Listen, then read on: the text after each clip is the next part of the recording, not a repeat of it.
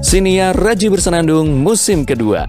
Tentu saja masih bersama saya Raji Araki. Selamat mendengarkan.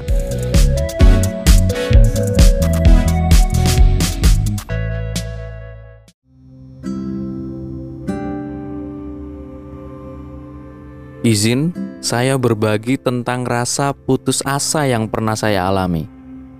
Kalau udah putus asa tuh rasanya ngedown banget. Ini adalah situasi ketika kita gak nemu jalan keluar dan rasanya kita benar-benar terkurung dalam suatu masalah atau keadaan tertentu gitu. Terjadinya nggak sekali dua kali, berkali-kali. Bahkan karena hal sederhana. Dulu banget, waktu masih di pesantren, saya pernah putus asa hanya karena kehilangan sepatu. Sepatu ini adalah pemberian dari orang tua saya. Aduh, bro, saya tuh orang yang kalau hilang satu barang gak bisa langsung ah gampang ntar bisa beli lagi, gak bisa. Apalagi dari orang yang sangat saya sayangi gitu dari orang tua posisi jauh dari orang tua di pesantren. Umur masih segitu. Waktu itu masih kelas 2 SMP. Sepatu dengan harga yang sangat mahal menurut saya. Harganya 300 ribu rupiah. Itu dibeli dengan ketulusan dan harapan agar saya bisa ikut proses pembelajaran dengan tenang. Uh, hilang begitu aja. Itu rasanya nyesek banget. Nyesek banget Apalagi itu sepatu dikasih ke saya dua hari sebelumnya. Dua hari sebelum hilang. Waktu orang tua datang ke pesantren buat jengukin. Orang tua tahu kalau sepatu saya itu udah jelek, makanya dibeliin sepatu baru. Saya itu kalau udah dijenguk, itu rasa bahagia itu mm, sejuta lah pokoknya sejutaan dah. Kebahagiaan itu pasti muncul gak bisa ngitung betapa bahagianya ketika orang tua datang ke pesantren. Kan rindu ya. Nah pas orang tua pulang, selalu diwarnai rasa haru, nangis, berharap mereka gak jadi pulang gitu. Jadi tiba-tiba, eh gak jadi deh, kayaknya kita di sini aja memantau kamu belajar, beraktivitas. Itu rasanya seneng banget gitu loh kalau kayak gitu ya. Tapi harapan kan, cuma harapan aja. Itu kan gak mungkin terjadi gitu karena saya sadar Orang tua pasti tentu banyak urusan yang harus diselesaikan di kampung halaman. Untuk bisa jenguk saya juga bukan yang setiap bulan gitu. Bisa tiga bulan atau lebih bahkan. Dan maksudnya tiga bulan sekali atau empat bulan sekali gitu. Dan saya juga nggak mau ngebebanin orang tua. Tapi ya ya sudah lah gitu. Sedih akhirnya. Kesedihan ketika orang tua pulang ke rumah itu bisa berasa sampai berhari-hari, bahkan sampai seminggu lebih. Dan mirisnya, dua hari kemudian, saat saya masih ngerasa sedih karena ditinggal orang tua, barang pemberian mereka dengan harga yang sangat mahal itu tiba-tiba hilang. Hati saya itu rasanya remuk. Saya bingung, gundah, panik. Karena waktu itu jadi ceritanya waktu itu saya sedang di kantor keuangan pesantren untuk bayar SPP. Pada saat jam istirahat sekolah yang mana hanya 30 menit. Siapa sangka saat urusan bayar SPP selesai, saya keluar dari kantor. Saya cek sepatu saya, ternyata udah raib entah ke mana. Jadi untuk masuk ke kantor keuangan itu emang santri harus lepas sepatu.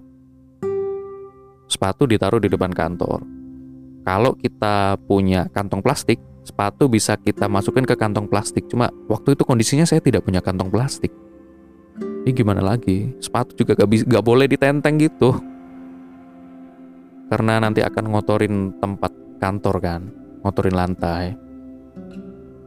Aduh itu saya dalam hati bilang, pasti ini kerjaan santri-santri lama nih. Santri-santri senior. Itu rasanya sedih dan panik campur aduk jadi satu. Yang bisa saya lakuin cuma duduk terus nangis. Sebagai anak SMP kelas 2 ya waktu itu, batin saya masih belum kuat buat ngebendung cobaan yang kayak gini.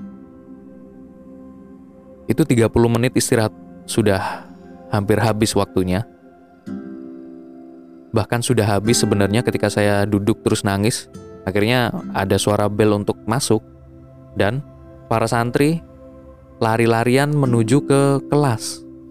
Suara bel sama gemuruh santri itu kayak nggak kedengeran gitu loh di telinga sama pikiran saya. Saya, saya uh, bener-bener panik, bingung, campur aduk, nangis, duduk. Waduh, orang-orang juga pada ngeliatin itu anak kenapa gitu. Wah gimana lagi gitu. Saya bingung.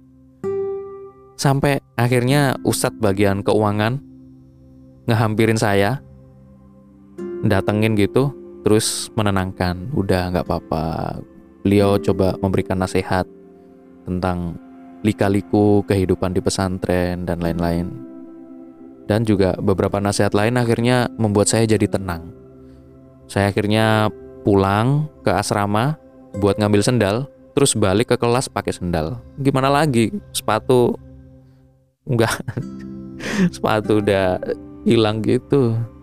Itu sampai ke bawah ke hari-hari berikutnya gitu loh.